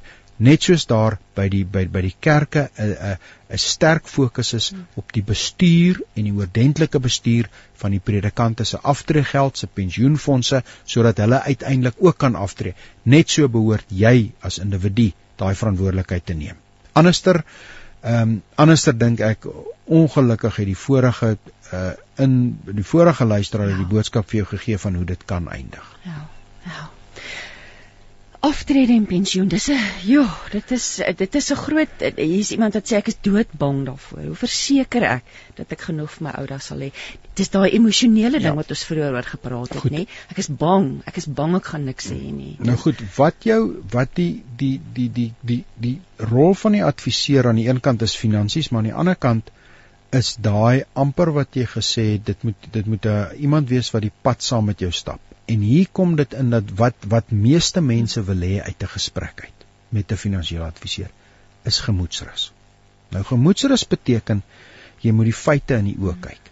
Jy moet die somme maak. Jy moet kyk waar dit is. En dan moet jy die aanpassings maak dat die somme vir jou werk. En as jy dan hou by langtermyn gesonde beginsels. Dit wil sê akademies gesonde beginsels. Jy maak nie staat op 'n foefie of of of op 'n gelukskoot nie, maar jy hou by die langtermyn gesonde beginsels en jou berekening is in jou guns, dan is gemoedsrus heel gemaklik. Net wanneer dit kom by aftrede, is daar 'n tweede element wat baie mense onderskat. Die een is die finansiële element en die ander een is onthou as jy aftree verander jou lewensomstandighede. Daar's nie meer iemand wat jou bel en jou nodig het nie. Daar's nie meer 'n vergadering wat iemand jou insette wil hê nie. So jy moet jouself ook sielkundig voorberei. Wat maak jy die dag as die foon nie meer lui nie? As jou advies nie meer gevra word nie. Ehm um, en jy het eweskielik tyd. Want onthou meeste mense wat werk, het hulle tyd verkoop aan die werkgewer. Dit wil sê van 8 tot 5 het ek nie my eie tyd nie, ek het dit verkoop en daarvoor kry ek geld. Nou het jy eweskielik daai tyd. Wat maak jy met daai tyd? En as jy nie daai daaroor dink en voorberei. So net soos wat jy finansiëel moet voorberei in terme van die finansies, moet jy voorberei wat maak ek met hierdie tyd? Wat is my doel hiermee? Gaan ek meer by die kerk betrokke raak? Gaan ek meer by die gemeenskap betrokke raak? Is daar dalk 'n stokperdjie wat ek wil doen? En maar jy moet begin besluit hoe jy dit doen. En dan in baie gevalle die verhouding tussen twee mense verander ook, want ewe skielik is die broodwinner, het sy die man of die vrou nou by die huis. Daai persoon was nie altyd by die huis nie. Nou is daai persoon by die huis en daai persoon is heeldag by die huis. So so hoe hoe gaan julle maak? Ehm um, en hoe hoe gaan julle en daar's gewoonlik wat wat wat ek vir mense sê is probeer vir die gesin vir julle twee 'n uh, eh, 'n uh, eh, die Engelse woord purpose. Mm. Afrikaans doelwit, maar purpose het 'n bietjie meer ja, van 'n dieper betekenis. Ja, ja. Besluit wat is julle purpose? Party mense sê ons wil vir 2 jaar die wêreld sien. Wel doen dit. Party mense sê ons wil vir 'n jaar Suid-Afrika deurreis. Doen dit. Maar onthou, van nou af gaan julle elke oggend heeldag altyd by die huis wees. en hoe werk daai verhouding? Gaan dit lei tot risiko, tot wrywing? Wat gaan julle maak met daai tyd? So dis finansiëel is een en natuurlik die omstandighede is die ander een. Weer ook 'n joh, 'n vraag wat my amper aanpas by ons vorige luisteraar se vraag. My man hanteer al ons geld sake. Ek voel so uitgelewer. Het jy raad? Ja, asseblief. Ek dink dit is besonder belangrik dat jy 'n meganisme, 'n eenvoudige meganisme skep om vir jou man te sê kan jy net kan julle net by tye? Miskien een keer 'n jaar is die ideaal as dit net gaan sit en tyd op sy sit. Verkieslik dan want want onthou hierdie gesprek in baie gevalle ehm um, het die het 'n manier om om emosioneel wrywing te veroorsaak. O ja, want daar's 'n rede hoekom ja, hierdie daar's in baie gevalle rede. Die, die man nie nie noodwendig of ja, daar ja, daar was nou, nog nooit so gesprek nou, gewees nie. Nou daai rede is of dat die finansiële posisie bietjie meer benard is as wat hulle dink of dat die man net eenvoudig dink maar weet jy wat, ek gaan jou nie hiermee opsaal met hierdie bekommernis nie, maar wat dit ook al is. Maar waar sy reg is, dit skep uiteindelik meer ongemak as jy nie weet nie, want nou is nou is jy nie donker. Ons sien te veel mense en dit is 'n gereelde voorbeeld wat wat die man skielik iets oorkom en die vrou het nie 'n idee waar om te begin. Ja, sy weet ken nie eers die man se bankrekeningnommer nie. Sy het nie ja. sy sy weet nie met wie hy gewerk het by by sy pensioenfonds. Hoe werk sy werkgewer se pensioenfonds? So my en dat sy waarskynlik daarop geregtig is wel, sy weet dit. Ja. So ja. my my my advies is gewoonlik om op 'n manier vir haar te sê, vir die man te sê. Kom ons kyk of ons nie iewers 'n datum en 'n tyd albei die adviseer wat jy het of dalk iemand deur die goed gaan en ons doen 'n datum en 'n tyd en daai datum en tyd is net om my 'n idee te gee wat gebeur as jy môre iets sou oorkom. Laat ek darm net weet waar ons staan. En tweedens om vir my te 'n uh, uh, insaag te gee is daar iets wat ek kan doen. As ek weet ons begroting hardloop te duur. As ek weet ehm um, hier's 'n addisionele inkomste nodig. Deel dit met my want as jy dit met my deel, dan kan ek het sy probeer kyk om by te dra tot die huishoudelike inkomste of ek kan begin ernstig daarop let waar ek koop. En ek kan dalk vir ons sê dat ek gaan baie meer uh, gaan ons spaarsamig leef nee, ja. maar ek, as ek dit nie weet nie kan ek dit nie doen nie. Dink jy dit het iets te maak met trots? Dat dat mans uh, baie keer ja. voel Ek dink daar's 'n paar goed. Trots ja. speel 'n rol. Ja. Nou trots kan twee kante toe gaan. Dit kan of wees dat wantrou jy my dan as jy daarna kyk wat natuurlik 'n baie dan dan dan, dan sien op 'n moeilike area. Dan kom jy by daai klein daai klein woordjie trust. Ja. As daai woordjie nie daar is nie, dan dan, dan dit kan dit ook wees. Dit kan ook net eenvoudig wees dat die man sê maar alles is oukei, okay, jy hoef nie eintlik te weet nie. Ons is ons is dis reg, moet jou nie bekommer nie. Jy bestuur ons huishouding in terme van die kinders. Jy doen daai werk en jy doen dit baie goed ek gaan hier ons is. Okay. Soos sorg, ja, ek sorg. Ek sorg en en weet jy wat, moet jy jouself nie daaroor bekommer nie. Maar die ideaal is dan om iewers ter langs die pad. Um my ons gewoonlik sal my advies wees om een keer elke tweede jaar wanneer jy die volledige ontleding en bespreking doen van die huishoud huishouding om te vra of jou vrou kan bysit. Sy hoef niks te sê nie, maar net laat sy kan sien hoe die situasie is en 'n idee kry vir haarself vorm. Die ander punt is dat dat ek dink dis gesond dat jy op 'n dat sy op 'n manier 'n gesprek oopmaak van ehm um, begin net eenvoudig om vir die man te sê uh ons huishouding bestuur op 'n sekere manier is ons begroting binne of buite begroting? Kan ons dit bekostig of nie? Ek hou van da, wat jy sê kan wat kan ek doen? Ja, ek wil graag ook 'n bydrae ja, ek wil graag moet ek terugsny op ja. die uitgawes uh of as jy vir my sê nee dis dan gaan ek so aan maar maar probeer op 'n manier bykom om te sê ehm um, hoe kan ek 'n bydrae maak en wat is daai bydrae wat ek moet maak moet daai bydrae wees dat ek met 'n inkomste bybring of moet daai bydrae maar net wees dit gaan goed so kyk na die uitgawes of is die bydrae eintlik weet jy wat jy kan een keer 'n jaar vir ons 'n vakansie reël hmm. ons goed is oukei okay. hmm. so maar maar as daar nie kommunikasie is nie weet niemand waar dit is nie en ons het ons het voorbeelde van mense waar dit uitstekend werk En dan's daar voorbeelde van mense wat jy eintlik uh uh jy sou baie graag wou gehad het dat die vrou bietjie meer betrokke is want sy kan 'n klein verskilletjie maak wat oor 20 jaar 'n massiewe verskil in julle lewe gemaak. Maar die beginsel is probeer die gesprek aan die gang kry. Een visie, een stem, een boodskap. Radiokansel 657 AM en 729 Kaapse Kansel maak impak op lewens van Gauteng tot in die Kaap. Jy luister met hart en siel gesels met Theo Foster en hier's nou iemand wat sê môre kan 'n mens hierdie gesprek met Theo later weer na luister dis baie insiggewend. Jy kan gaan kyk op uh, Radio Kansel se webwerf onder potgoeie onder met hart en siel teen later vanmiddag of vroegmôreoggend gaan ek sorg dat die program gelaai is. So gee ons net 'n kansie om die tegniese versorging te doen en dan laai ons dit as potgooi so jy kan gerus weer gaan luister. Theo, twee vrae hier wat ons nog nie uitgekom het nie.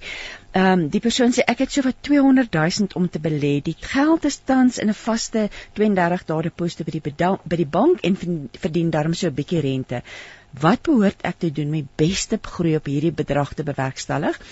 En ek maar ek wil graag nog steeds toegang tot die geld en dien nodig want dit sal vir my nes eier. Ja, goed, daai toegang, daai toegang is die kernwoord hierson. So daai geld beteken dit moet binne dis 'n tipe van of is 'n noodtipe fonds of is 'n mm. fonds wat jy wil kan kry.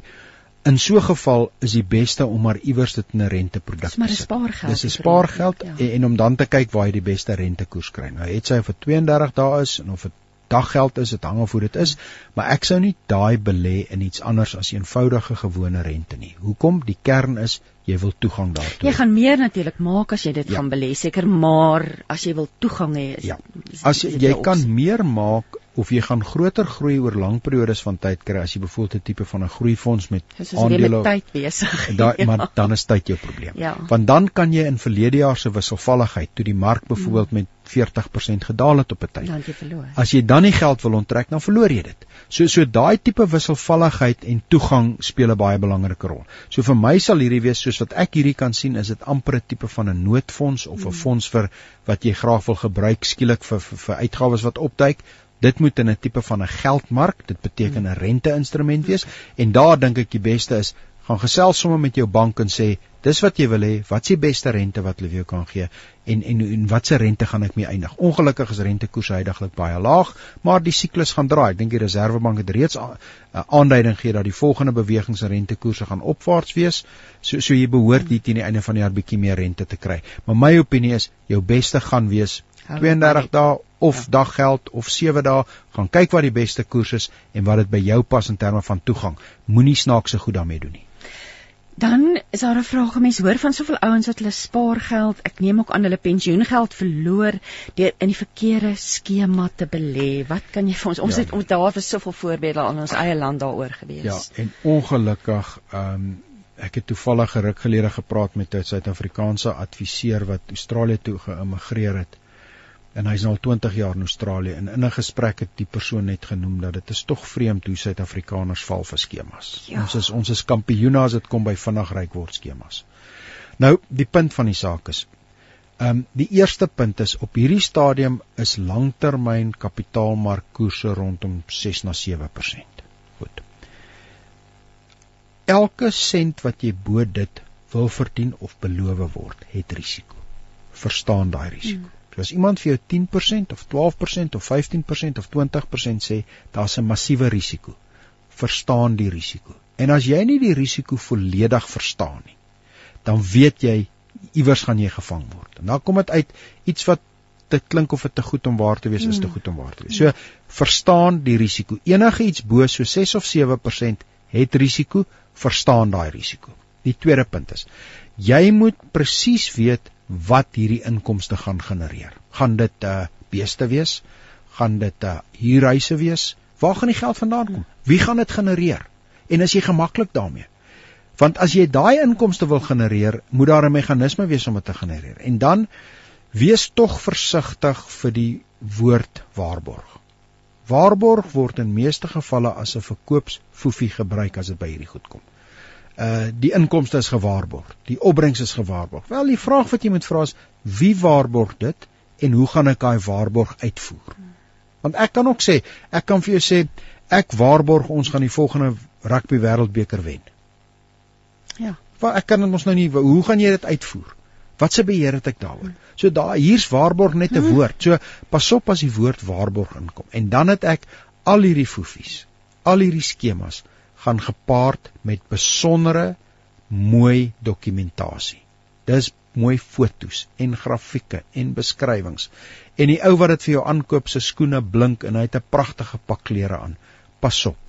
Die feit dat 'n dat 'n brosjure mooi fotos in dit en mooi grafieke in dit en die persoon wat daar aankom in 'n snyierspak is, dit beteken nie jy gaan jou geld terugkry nie. Die probleem is so so en die oomblik wat dit iets ongewoon is.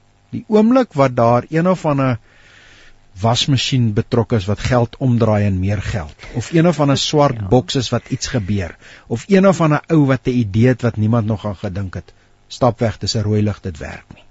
Dit werk eenvoudig Jo, jy gee vir ons En dan eintlik 'n fantastiese uiteindelik- riglyne hierso toe. uiteindelik as jy 'n kar koop skop jy die bande. Jy stap om die kar en skop die bande. As jy 'n nuwe huis koop kyk jy na die huis in detail. Jy kyk of daar of daar um, of daar 'n waterprobleme is. Jy kyk of die dak reg is. Jy stap dit. As jy 'n belegging doen, doen dieselfde. Jy moet weet wat se band kan jy skop. En as jy nie, as jy byvoorbeeld 'n aandeel koop, kan ek vandag verby die winkel ry en sê ek het 'n aandeel in daai winkel, hy staan daar. As jy 'n bankaandeel koop, dis die bank, hy staan daar.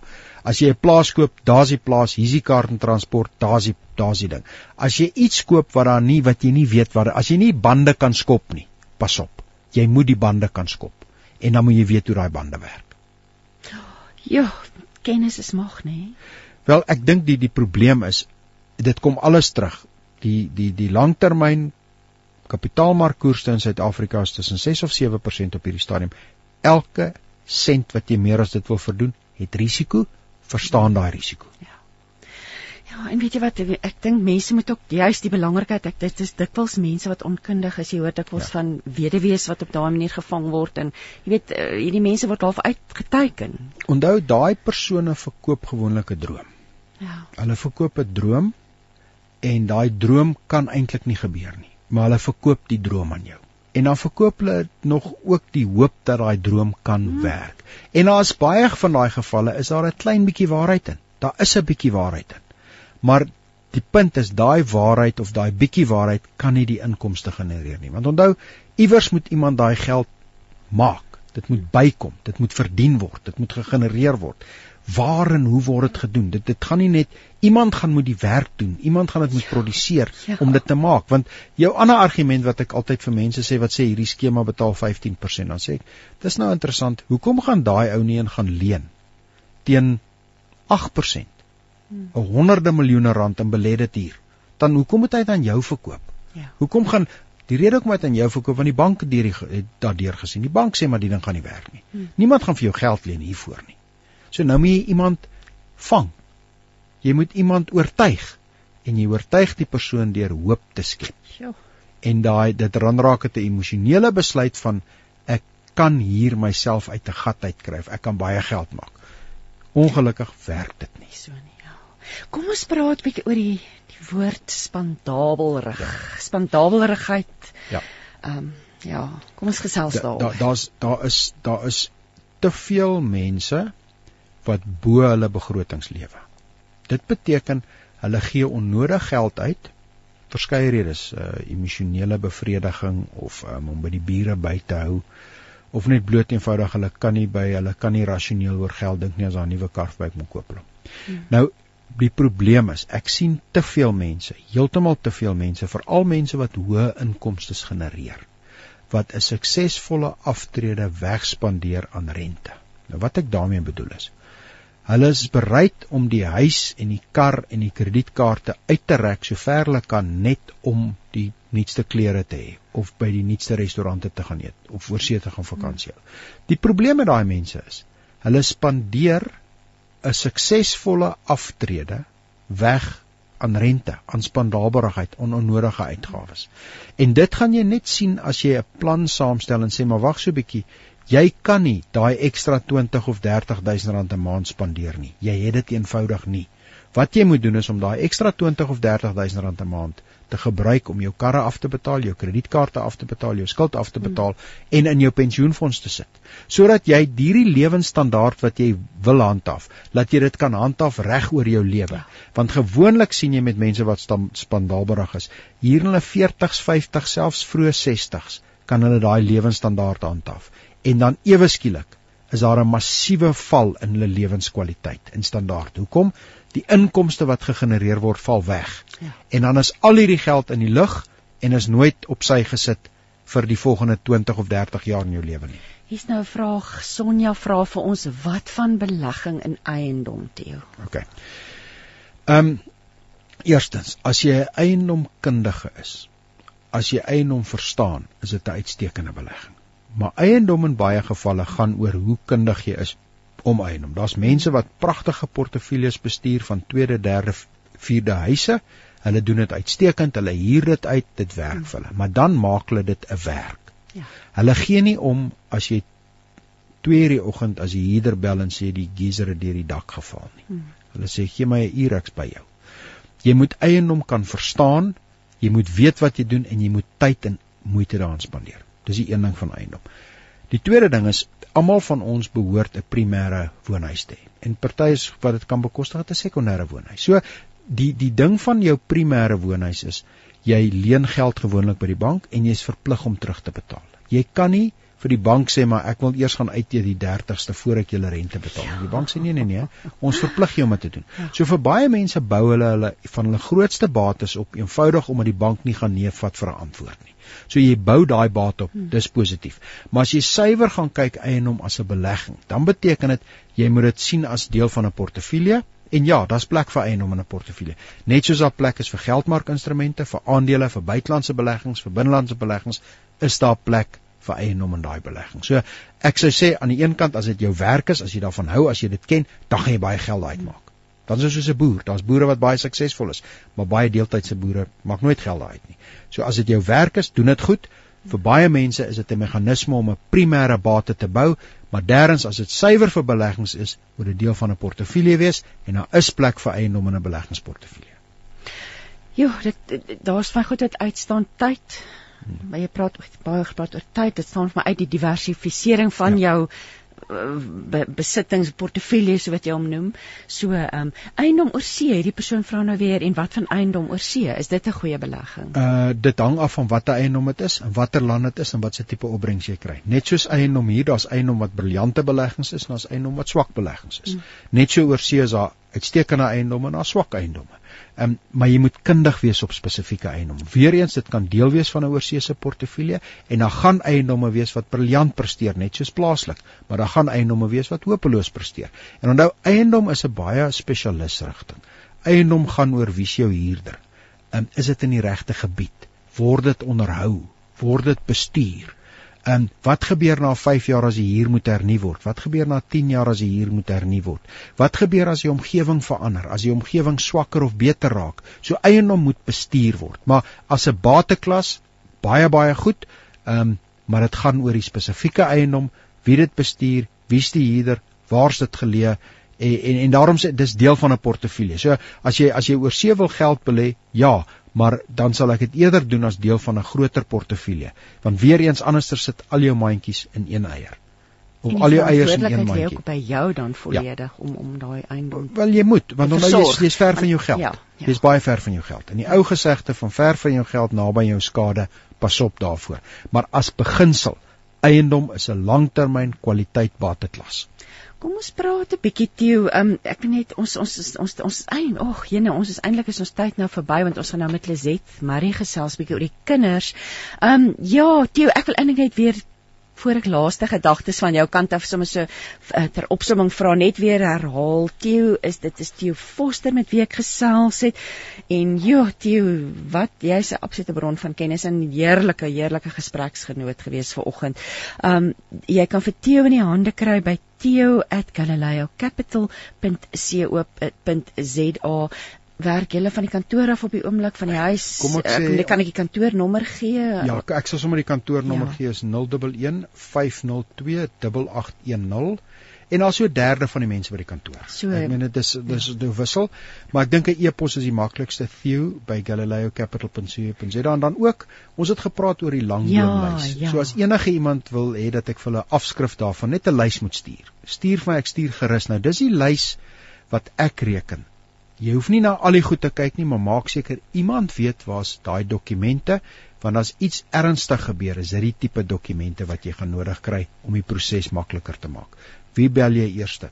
Waar's my bates? Uh waar's my bankrekening? Hoe lyk my my internetpersoonlikheid? Moet iemand daarin iets doen? So ek sal dit met graagte deel. Jo, dankie Theo. Dit is 'n kosbare hmm. stuk inligting wat jy ja. met ons luisteraars gaan deel. So ja, ehm um, as jy dan belangstel in daardie langboomlys kan jy gerus vir Theo 'n e-pos stuur. Ag Theo, verskriklik dankie. Ek weet nie of um, Paul al vir ons vir Lizet op die lyn het nie. Lizet is al op die lyn. Nog 'n laaste gedagte van jou kant af. Ja, miskien net onthou, um, as jy die beginsels van beleggings verstaan, dan kan jy dit suksesvol doen. Dis nie dis dis deur eeue heen verfyn. Daar is niks wat uh, breinchirurgie, dis eintlik heel eenvoudig. So verstaan nie die beginsels maar nommer 2. Jy is gewoonlik jou grootste enkele vyand, die individu. Die individu maak swak besluite die individu raak paniekerig, die individu raak emosioneel. En dis waar 'n goeie geskrewe plan en iemand met wie jy daaroor kan gesels, 'n rasionele persoon inkom. En dan kan jy suksesvol wees. Geld om, om suksesvol doelwitte te bereik, verg nie brein chirurgie nie. Dis eintlik baie eenvoudig. Dis eerder belangriker om te hou by daai plan. Uh, en dan kan ons almal suksesvol wees en ons finansiële doelwitte bereik. Jo, wyse woorde. Maar nou het ons vir Lizet op die lyn en ons gaan bietjie met Lizet gesels oor hoe leer 'n mens jou kind oor die waarde van geld en hoe ontwikkel 'n mens die regte perspektief van kleins af by kinders oor geld? Nou, ons nou baie geneig na die ander kant van pensioen en as mens ouer is, maar dit begin van jongs af. Môre Lizet. Môre so lekker om jou stem weer te hoor. Ag, dit is absoluut heerlik om weer jou stem hier op ons program te hoor, Lizet. Lizet, hoe jy ma van 5 um uh, oud onderwyseres jy skryf ons ehm um, my hartsepunt rubriek in in in in leeftydskrif en is vir interessant al hoe meer en meer nou uit die perspektief van 'n ouma want jy het ook 'n 'n hele paar kleinkinders geld hoe het wat moet ons doen uh, van hoe leer ons ons kinders van geld van kleins af ja dis Christine um, ek kan aanvanklik sommer net vir die begin sê uh, dit moet lekker wees um, 'n avontuur wees want ons kan verskriklik um, ernstig wees oor geld omdat ons besorg is daaroor. So ons moet nie 'n beklemming by ons kinders oor geld ehm um, jy weet inprent nie. So ehm um, dis moeilik vandag in ons verbruikerskultuur ehm um, dat kinders sal leer op op 'n lekker manier dat geld nie um, geldbronne nie onuitputlik is nie jy weet die gebruik van kredietkaarte maak dit bitter moeilik. Um, ons het groot geword, jy sien die geld. Maar nou ja. kan jy net dink, hierdie kredietkaart gaan maar net aan en aan. Ek sien die bron nie, dit, jy weet, die geld hou nie op nie. So um, om van kleins af ehm um, vir hulle die waarde te leer, kan ek nou eintlik maar net uit my ondervinding met my spannetjie gesels en dan moet ons dit net vertaal in vandag se ehm um, se leefwêreld. Jy weet. Ja. So ehm um, ons het ons kinders van kleins af ingelig gehou oor geld. Ons het nie noodwendig die bedrag hulle gegee nie, maar ons het hulle deel van ons ehm um, ehm um, die hele ehm um, ek wil amper sê geld uitgee en hoe dit inkom, daardie hele perspektief het ons vir hulle probeer ehm um, tuisbring. Ons het huisvergaderings gehou en ehm um, hulle in eerste plek geleer dat geld nie 'n oneindige bron is nie. Daar is nie so iets soos dit daar is maar net altyd nie. Ehm um, so om dit vaag te hou, deur byvoorbeeld net te sê jong geld groei nie op my rug nie. En ja. help nie ek dink nie. Ja. So mens moet hulle ingelig hou. Ehm um, so ek ons het dit uitgestel. Papa verdien eh uh, 'n uh, X bedrag. Ons het nie die bedrag genoem nie, maar papa verdien byvoorbeeld soveel geld. Nou daardie bedrag word nou opgedeel. So maak 'n um, prentjie gedagte prentjie van boksies in jou kop. Dan um, daar geld wat ingaan in die vir die kerk, daar geld wat ingaan vir ons motor, vir ons huis, vir kos en klere, vir skool, vir vakansies, en um, ook vir buitemuurse bedrywighede toe hulle nou ouer word. Ehm um, so daardie geld is vas ehm um, vir daardie bepaalde ding. Partykeer leen ons, jy weet, as daar 'n motor gekoop word, dan leen ons bietjie sien maar by die huise geld. Maar daai boksie, as hy leeg is, dan kan ons nie 'n motor koop nie. So as jy daardie konsep verstaan dat daar net soveel geld in 'n bepaalde boksie is. So ehm um, so dit jy weet dit gee sekuriteit om te weet um, my geld kom uit uit 'n bepaalde boksie, ook die geldjies wat ek later vir vir sakgeld kry.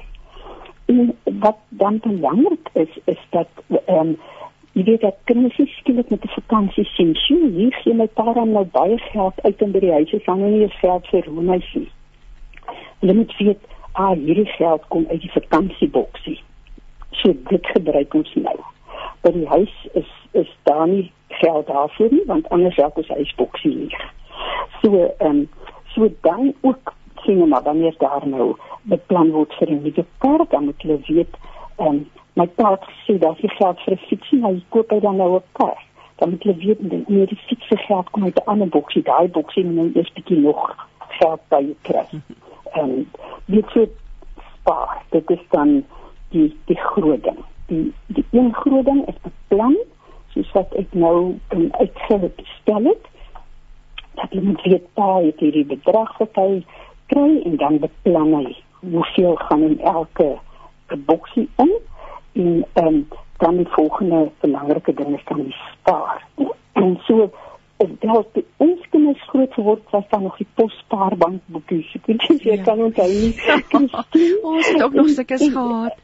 Ja, dit was maklik en dit was hulle so opwindend, jy weet, elke maand dan vat ek hulle almal staan op 'n ry, hulle kan nie eens boer daai toonbank sien, maar hulle sit hulle 10 rand of 5 rand in wat ek dan gee. Dit is nie deel van hulle sakgeld nie. Jy weet, ek vang net oor die sakgeld ehm um, kom. Dis net my maar dis is so 'n belangrike ding en ons het vroeër in die program daaroor gesels dat mense praat nie oor geld nie. Dis amper 'n taboe onderwerp. So jy het gesê dit was julle vertrekpunt gewees. Julle julle het 'n openlike gesprek met die kinders gehad. So net weer die belangrikheid. Jy onderstreep net hierdie belangrikheid. Ons moet daaroor praat want dis al maniere hoe ons ja. die kinders leer om verantwoordelik ja. met geld om te gaan dis reg. Want dit skakel baie ehm um, onbegrip uit en dit skakel hierdie hierdie ding van woede by kinders uit. Jy weet ja. as jy nie weet nie, hoekom is dit geld vir my um, om te kan uh, ekonomie koop nie? Jy weet kyk ja. kyk net hier so.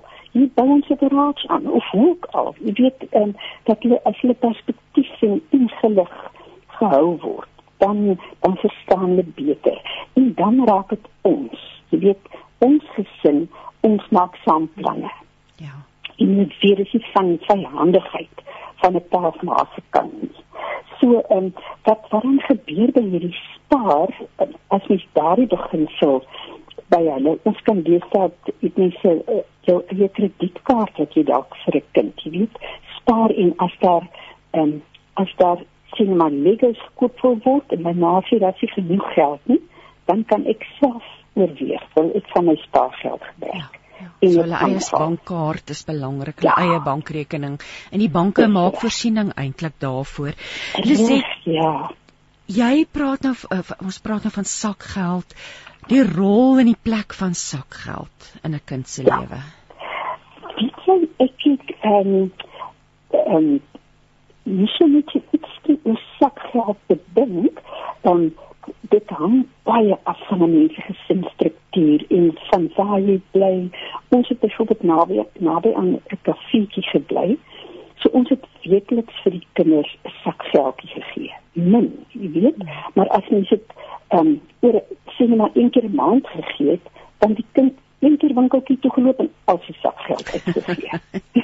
so ons het weekliks vir hulle ietsie gegee, maar ons het dit pro rata gegee soos die kinders ouer, die jonger kinders het minder gekry. Met elke jaar het ons ons 'n bietjie aangepas. Want 'n kindjie wil net 'n stukkie drop koop. Jy weet maar 'n ja. ouer kind wat in die laerskool is, hy wil nou al um, ietsie vir 'n maatjie koop jy weet wat sê nie vir jare dit was iets anders vir ja. verjaarsdag persentjies dit het, het iets anders maar sien maar kaartjie of ja. 'n mooi plantjie vir die juffrou of hoe ook al 'n kind 'n ouer kind wil ook al ehm um, selfstandig ietsie begin koop. En daai hele ding van geld is nie net myne myne nie. Ek gee ook jy weet vir iemand ietsie. So ehm um, en dan die sakgeld was maar bitter min. So ehm um, vakansietye het ek net 'n lysie hier opgesit en gesê jy kan kies, jy kan die hele vakansie uh, leen boek lees, ek sê glad nie om nie. En dit is wel ekstra sakgeldjies verdien. Ehm um, dan as jy die gras sny, dan is dit soveel werd. As jy die pakkamer vir paai afregpak, is dit soveel werd. So ek het gesê kom nou, ek het lankal gesê van die pakkamer en so nie. Ja. Ek het die keuse gegee. So hy weet wat die konsekwensies is as hy nie gaan op gras sny of die vuil goed bietjie help wegry of sommer net die ehm um, skottelgoedmasjien uitpak nie, dan dan is dit nie geld nie, maar as hy daarmee ehm um, wil saam met van dit mos nou goed. Jy weet as um, Dit is 'n fantastiese idees het om om met die die want kyk want ons weet almal die belangrikheid dit is belangrik dat kinders taakies en pligte het ja. maar hoe oulik om in die vakansie te sê dis wat dit werd is ek hou van die gebruik van en ek dink Theo stem saam met my hier in die saam by die ateljee oor wat jy sê dis dan wat dit werd is so jy ja, leer hulle ook die waarde van van harde werk dat as mens hard ja. werk is daar tog 'n beloning Ja. So in die hoërskool het ons nou bietjie verder daarmee gegaan van um, graad 8 af met hulle hulle eie ehm um, selfse klere gekry. Ek het nog steeds van my maandelike inkopies sien maar reeds weer of daai jy weet dan 'n borsels en so ja. gekry maar klere was hulle ehm um, hulle daarvoor het ons begroet en dit was baie interessant om te sien daai eerste keer. Kyk dan laai hulle daai mandjie vol en dan het hulle hele klere begroot en daarmee heen. So dit het hulle baie maar ek het hulle gelos want jy moet leer. Ehm um, en dan het ehm um, ek hulle later ek hulle so ehm um, slim en effektief geraak. Hulle het saam saam winkel toe gegaan dan besluit hulle goed watter hemp van gaan ons van nou? Koop hulle ons hemp en moet kyk afskeid ons pak klere kyk daar was een pak klere wat deur al die afskeide geloop en um, niet om te bespaar want jy weet dit is dit is op die ou en dit sien maar ietsie so pak klere dit olifant daai hand daar ja. dan trek jy hom aan? So deel hom tussen die broers en jy weet almal sien daarbye so hulle baie gou het hulle hulle klere en hostes en wat hulle wil en wat hulle kan het hulle besig. Uh, weet hoe gaan geld dan ehm um, daar so ehm um, wat hulle dan saam daarmee gedoen het is as jy sien hulle klere begroting is bietjie te of hulle hulle hulle um, smaak en hulle die dier dierklere is nou bietjie te veel en hulle wil daardie skoene hier het hulle um, ook nuus gewerk. Jy weet, het so dit in 'n jagwinkel gewerk en sy het self vir 'n 'n kanoe gekoop later en aan die een het um, die sabine se ding nie maar koerante afgelewer en so kon hy sy eie pyl en boog jy weet daai stel koop. So hulle het dan ekstra werk vir vir homself um, gegenereer wat George baie oulik gedoen het toe hulle ouer geword het is om hulle te sê waar kan ons spaar dat ons nie altyd hmm. kundiges hoef in te roep nie. So hy het een Saterdagoggend na 'n uh, na 'n motorwerkkundige toe gevat en die het hulle geleer hoe um, tap jy olie af en hoe donkrag jy die op en al hierdie basiese goed van 'n motor. So dit het die eenvoudige goed later hmm. self kon doen. Um, So so mens moet ook sien wie se sien dit altyd geld nie dis ook baie keer 'n praktiese iets wat jy hulle mee help. Oh, en hulle is so bemagtig. Lizet, ek sien al ek kyk hier na die horlosie die hele tyd. Ek ek is bang hulle gaan nou vir my begin waai amper al om te sien ja. ons moet klaar maak, maar kom ons ja, so dis kom ons praat 'n bietjie oor oor die rol van ouma en oupa as dit kom ja. by die kindergeld want want bes, weet jy daai want die mense seker daar maar ook mooi ja, wat ja. wat wat kan jy vir ons daaroor sê? Ek het wat ek het ek het um, ek sien net wanneer kinders kinders kom kuier vir elkeen 'n klein bedragie. Dan gaan ek met elkeen apart en sê jy kan vir ietsie koop of jy kan geld bou. Ja. Dit werk baie goed. En as jy iets duurder wil koop, dan sê ek kom hou dit op jou wenslysie. Of selfs as jy steeds spaar skatte en jy wil lekkertjies sê en ek sien sommer van hierdie speelgoed lekkertjies met 'n jy weet dit is baie keer mos 'n ja, helikopter ja. en dan so klein lekkertjies en ek sê dis iets vir 'n wenslysie. Hoe mag gaan dit nou koop? Nie.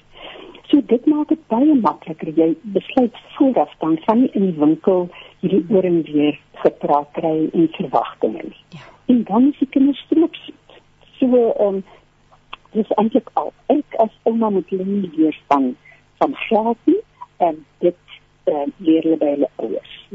Maar ek moet sê hulle die lekkerte daarvan om ietsie te kan kry by jou ouma, maar dit is ook binne perke. Ja. Dis al wat ek ja. hulle moet leer. Ja.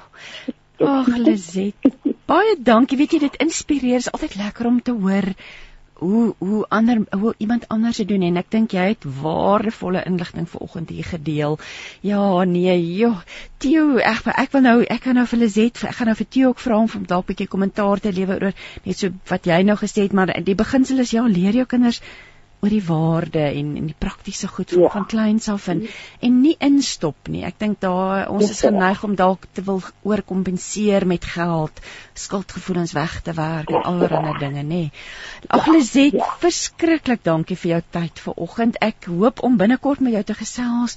Ek vermoed daar seker weer 'n 'n boek, 'n nuwe boek ook daar aan jou kant wat gaan verskyn as ek dit nie mis dit nie.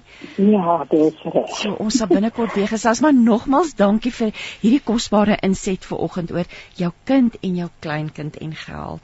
Theo, ag, daar sê hulle sê totsiens. Mooi klein, lekker dag. Tata. Theo, ietsie van jou kant af oor oor oor kinders en geld. Net so kortliks, maar voor jy sê hier's nou weer 'n paar luisteraars wat graag jou e-posadres vra. So dis Theo T A E O galileocapital.co.za en ek spel dit G A L I L E O capital galileocapital.co.za. Ek dink daar's daar's my twee goed wat baie uitstaan. Die eerste ding is onthou die basiese vertrekpunt van ekonomie. Dit is hmm. ekonomie 101 is jy het beperkte hulpbronne en jy het onbeperkte behoeftes. Dis waaroor enige sure. ekonomiese vraag gaan. Dit wil sê die geld wat jy het is beperk maar wat jy wil doen daarmee is onbeperk. En dit gaan oor die bestuur hiervan. Of dit nou 'n besigheid is of 'n staatsinstelling of enigiemand is of jou sakgeld as jy of jou sakgeld is. Nou dis ja. daai beginsel. So jy ja. moet begin prioritiseer. Jy het hierdie bedrag en prioritiseer. Besluit hoe jy dit gaan aanwend. Besluit die huishouding het hierdie bedrag hoe word dit gedoen? Hoe word dit aangewend? En ek dink daai beginsel reg deur jou lewe is belangrik. Die tweede ding is optrede het gevolge oorsaak en gevolg. So as jy iets doen, as jy skorrelgoed was, is daar 'n gevolg.